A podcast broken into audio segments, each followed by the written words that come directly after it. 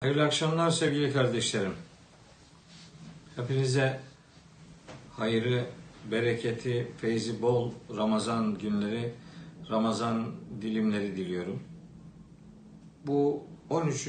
programla sizlere Kur'an ve bilim üzerinden şöyle kısa bir sunum yapma arzusundayım.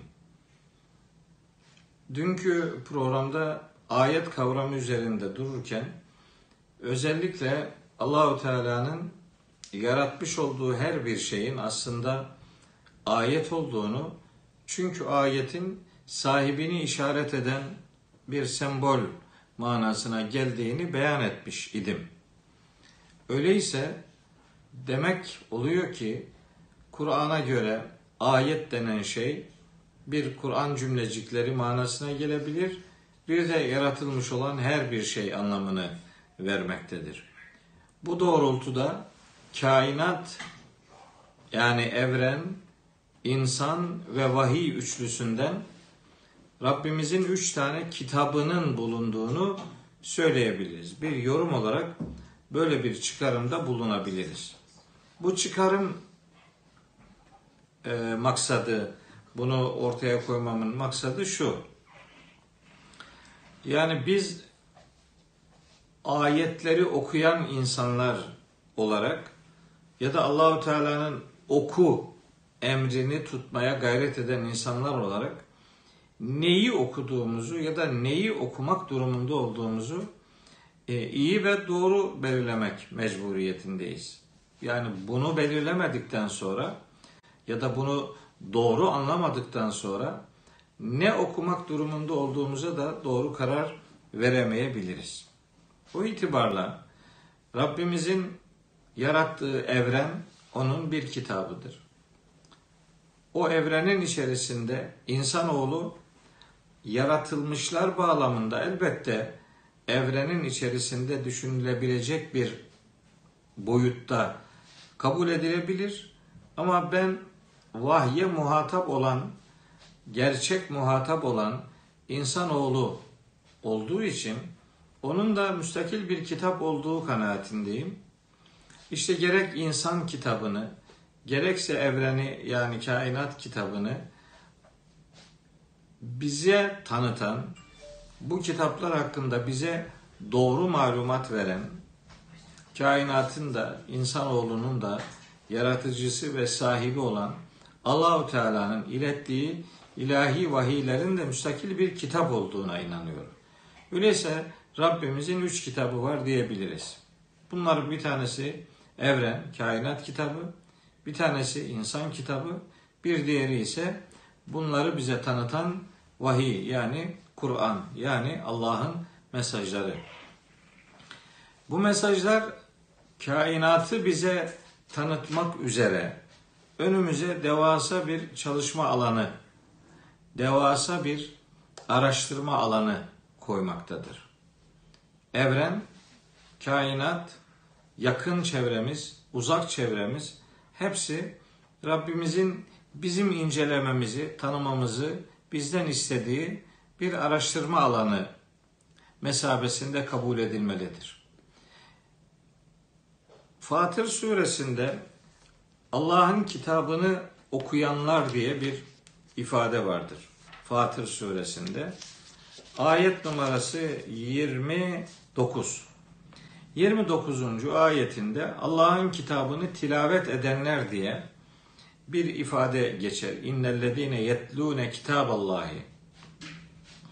Allah'ın kitabını okuyanlar. Şimdi Allah'ın kitabını tilavet etme ifadesinde kitap elbette vahyedilen bu ilahi prensipler manasına gelir. Bunda bir tereddüdümüz yok. Ancak bu ayetin hemen öncesinde yer alan 27-28. ayetlerde evrenden söz ediyor, kainattan söz ediyor, yağmurun yaratılışından söz ediyor. Yağmurun meydana getiriciliği noktasında bitkilerin çeşitliliğinden söz ediyor. Dağların yapısından söz ediyor. İşte ovalardaki geçitlerden söz ediyor. Dağların işte insanlara geçit olabilecek yapılarını öğretiyor. Canlı hayata dair göndermeleri var. İnsanın yaratılışıyla alakalı bilgiler var. Rengarenk canlılar ve rengarenk insanlardan söz ediyor. Sonrasında da Allah'ın kulları içerisinden ona gerçek manada derin saygı duyanlar alimlerdir diyor. Alimler ifadesi işte derin saygı duyan insanlar diye bize tanıtılıyor. Bu alimler ifadesini sadece işte dini malumatı olanlardır. Onlardır asıl alimler. Neden? Çünkü yaratıcının kudretine onlar eseri üzerinden şahit olmaktadırlar. İşte bu 20, 27 28. ayetleri Fatır suresinin gerçekten bir tabiat bilinci verir. Yağmurundan bitkisine, dağından taşına, insanından hayvanına varıncaya kadar canlı cansız bütün mahlukatı e, tanıma noktasındaki becerisini ortaya koyan insanlara alimler diye sesleniyor. Ve bunların Allah'ın kitabını okuduğunu, tilavet ettiğini, o kitabın tilavet edilmesi, aslında kitabın takip edilmesi, kitabın peşinden gidilmesi, izinden gidilmesi, izinin sürülmesi manasında hem insanı tanımak, hem vahyi tanımak, hem de mahlukatı tanıma noktasında çok önemli bir ev ödevi bize sunmaktadır. Oradan hareketle e, Kur'an'ın muhtevası yani içeriği e, bağlamında e, hemen her konunun bu kitapta doğrudan veya dolaylı olarak ele alındığını rahatlıkla söyleyebiliriz. Şimdi Batı'da böyle din bilim ayrımı üzerinde durulur. Onların bu ayrımı yapmalarında haksız olduklarını söyleyemeyiz. Çünkü onların ellerinde e, kutsal metin diye bulundurdukları metnin öyle çok da e, muhafaza edilebilmiş bir yapısı olmadığı için ayrıca o kitapların içerisinde bilimsel hakikatlere gönderme yapılmadığı için onlar dini bilimin karşısında görebilirler.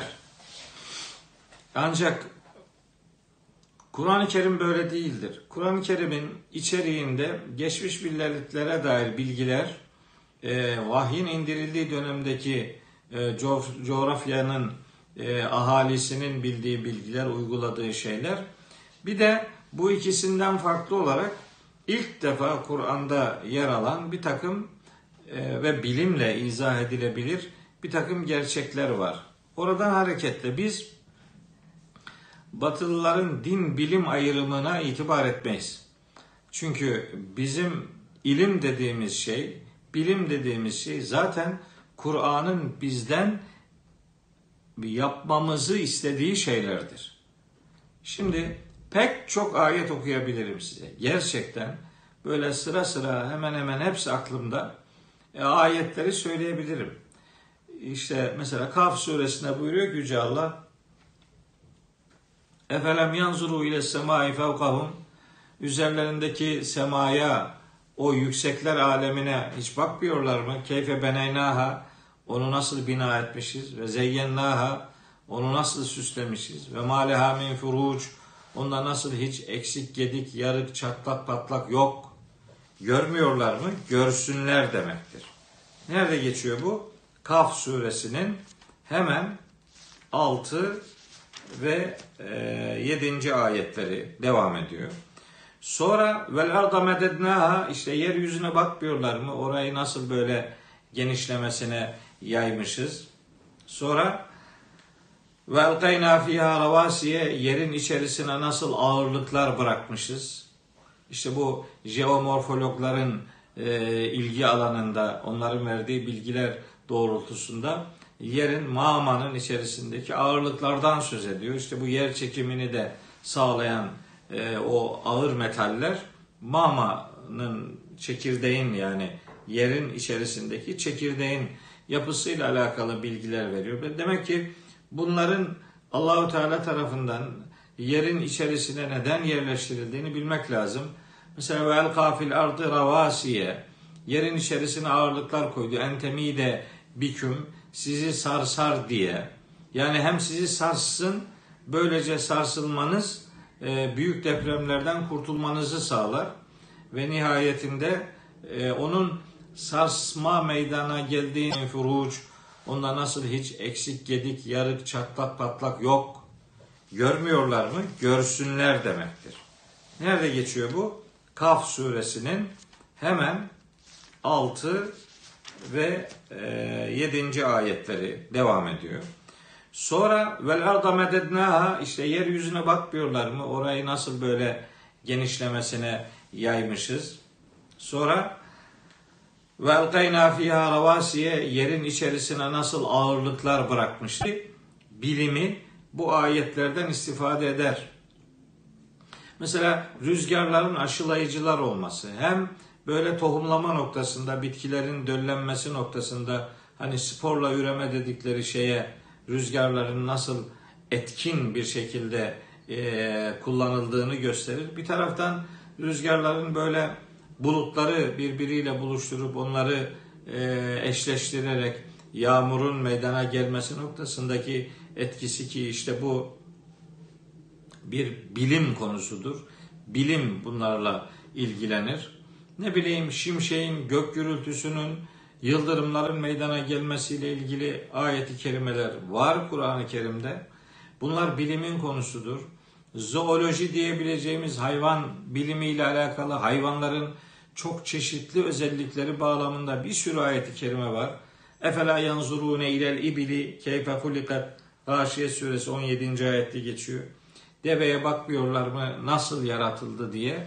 İşte bal arısının özelliklerinden, örümceğin, karıncanın özelliklerinden, işte atların özelliklerinden, sürülerin, insanların onlardan istifade etme kalemlerinden tutun. Yani devasa bir zooloji bilimi var Kur'an-ı Kerim'de. Gerçekten mesela sütün nasıl yaratıldığını Nahl suresinde anlatıyor Allahu Teala. Süt nasıl oluyor? E, bunlar bilimin konusu. E, o öte yandan diyelim ki ziraatla alakalı, ekinlerle alakalı, bitkilerle alakalı şu kadar ayeti kerime var. Yağmurun toprakla, toprağın tohumla, tohumun yağmurla e, birleşmesiyle nasıl ürünler meydana geldiğini Kur'an-ı Kerim anlatıyor. Öte yandan işte uzayda gökler dediğimiz işte bu Kur'an ona sema kelimesini kullanıyor ki o yükseklik, yüksekler demektir. Bu yüceler ve yüksekler aleminde neler olup bittiğini Kur'an-ı Kerim incelememizi istiyor. Mesela göklerin direksizliğini başka bir ifadeyle bize öğreterek der ki e, gökleri sizin görebileceğiniz direkler olmadan yaratıp yükseltti. Demek ki direk var biz görmüyoruz. O zaman bu direkler neyi temsil ediyorlar? Bizim çok önemli incelememiz gereken konulardan biri. İşte Rahat suresi 2. ayet, Lokman suresi 10. ayet bu noktada son derece nefis bilgiler verir. Mesela Hac suresi 65. ayet göğün yerin üzerine düşmemesiyle alakalı bir pozisyonunu e, bize öğretir. E, Fatır suresinde gene Allah'ın kudreti sayesinde bu sistemin yürüdüğü, Rabbimizin müdahale etmemesi durumunda her şeyin e, darma duman olacağına dair bilgiler var. Yani evrenle alakalı pek çok bilgi var. Ve dün akşam söylemiştim, şimdi bir daha söylüyorum. Yaratılmış her bir şey Müslümanın incelemesi, okuması lazım gelen ders başlıklarından, konu başlıklarından sayılır. Teker teker Allahu Teala'nın şunu da okuyun, bunu da okuyun demesine lüzum yok. Değil mi ki yaratılmıştır? Her bir yaratılan şey Müslümanın tanıması lazım gelen e, okuma konuları arasında yer alır. Bir bilim düşmanlığı, bir okuma düşmanlığı yapmak hiçbir şekilde Müslümana yakışmaz. Hele ki ilmi, bilimi ortaya koymak Allahu Teala'nın sanatını keşfetmektir. Sanatı keşfedilince Cenab-ı Hakk'ın yüceliği ve kudretine dair muhteşem bir bilinç meydana gelebilir. O itibarla e, hele ki yani böyle e, bilimsel gelişmelerle alay etmek hiçbir Müslümana hiçbir fayda getirmez. Başkalarının bize daha da gülmesine sebep olabilir. O itibarla bazı e, İslam düşünürlerinin Kur'an'ın bilimsel e, gerçeklerle birleştirilmesinin çok gerekli olmadığı noktasında söyler söyleniyor. yani Kur'an'ın söylemek istediği indirildiği dönemdeki muhatapların anladığından ibarettir. Bu kitapta başka bir şey aramak doğru değildir. Türünden yaklaşımları çok isabetli bulmuyorum. E, o zaman Kur'an tarihsel bir metin olmaya doğru gider. Oysa biz bunun evrensel olduğuna inanıyoruz. Düne söyledikleri olduğu gibi güne ve yarına da söylediklerinin bulunduğuna inanıyoruz. Bunun ötesinde hani makro alemle ilgili yapılacak çalışmalara Kur'an'ın ön verdiğini, yol verdiğini, hedef ve ufuk bilgiler ortaya koyduğunu beyan ettikten sonra insan kitabı ile ilgili araştırmaların yapılması noktasında bakın sosyolojisinden psikolojisine, tarihinden antropolojisine varıncaya kadar insanla ilişkili hemen her konu Kur'an'ın ele aldığı, kendisine göndermede bulunduğu konular arasında zikredilir. Hele ki insanın yaratılış süreci elementer olarak toprakta suyla, çamurla olan e, o ilk yoğrulma aşamalarında sayılan yedi aşamayı bir tarafa bırakın. Biyolojik ve embriyolojik e, gelişimiyle alakalı da yedi aşamadan söz eder. Ana rahmindeki üç karanlığın bulunmasından söz eder. O karanlık içerisinde yaratılıştan yaratılışa geçişin yaşandığını Zümer suresinin 6. ayetinde bize beyan eder. İşte bu nutfe denen döllenmiş yumurtadan alaka denen embriyoya, embriyonun işte bir çiğnem ete, bir çiğnem etten kemiğe, kemiğin sonrasında kaslara, kaslardan sonra insanın işte belli bir yaratılış e, şekline sahip kılınmasına varıncaya kadar gerçekten Müminun suresi 12, 13, 14. ayet, Hac suresinin 5. ayeti, Zümer suresinin 6. ayeti, daha başka pek çok ayette. Hele ki mesela e, Tarık suresinin işte 6, 6, 7. ayetleri olması lazım. Bu ayetlerde insanın e, üriner hücrelerinin ceninde yani embriyoda yaratıldığı yer ile ilgili Allahü Teala'nın verdiği bilgi harikalar ötesidir. Tarık suresi 5, 6 ve 7. ayetlerde bu noktada harika bilgiler verildiğini beyan ediyorum. Bu e, nihayetinde tabii böyle bir programda Kur'an'da işte o denizlerle alakalı, denizin içindeki karanlıklar, denizin içerisinde derinliklerindeki işte dalgalardan söz eden Nur suresinin ayetlerinin ötesinde e, iki denizin yan yana girip birbirine karışmamasından söz eden örnekler, evrendeki her bir şeyin çift yaratılmışlığı, o çift yaratılmışlık üzerinden her bir şeyin zıddını yani eşini bulma noktasındaki çabaları ortaya koyan bilgilere varıncaya kadar Yasin suresi 36. ayetteki harika bir çiftlerle alakalı verilen bilgiye varıncaya kadar Zariyat suresinin 49. ayetindeki her şeyden çift yarattık beyanına varıncaya kadar hatta evrenin göğün genişletilmekte olduğu bilgisinin yer aldığı Zariyat suresinin 47. ayetindeki beyana varıncaya kadar bizim hiçbir şeyi ıskalamamak durumunda olduğumuzu aklın rehberliğinde vahyin rotasını çizdiği bu yolda akıl vahiy birlikteliğini kullanarak Kur'an bilim ilişkisinde Kur'an'ın bilimle hiçbir probleminin olmadığını vurgulamak durumundayım. Bu arada teorilerle Kur'an'ı buluşturmayı değil, bilimle Kur'an'ı buluşturmayı bir e, elzem görev olarak kabul ettiğimi bir vesile sizlere hatırlatma arzusundaydım. Bu akşam itibariyle böyle kısa diyebileceğimiz bir sunumla sizlere hitap etmiş oldum.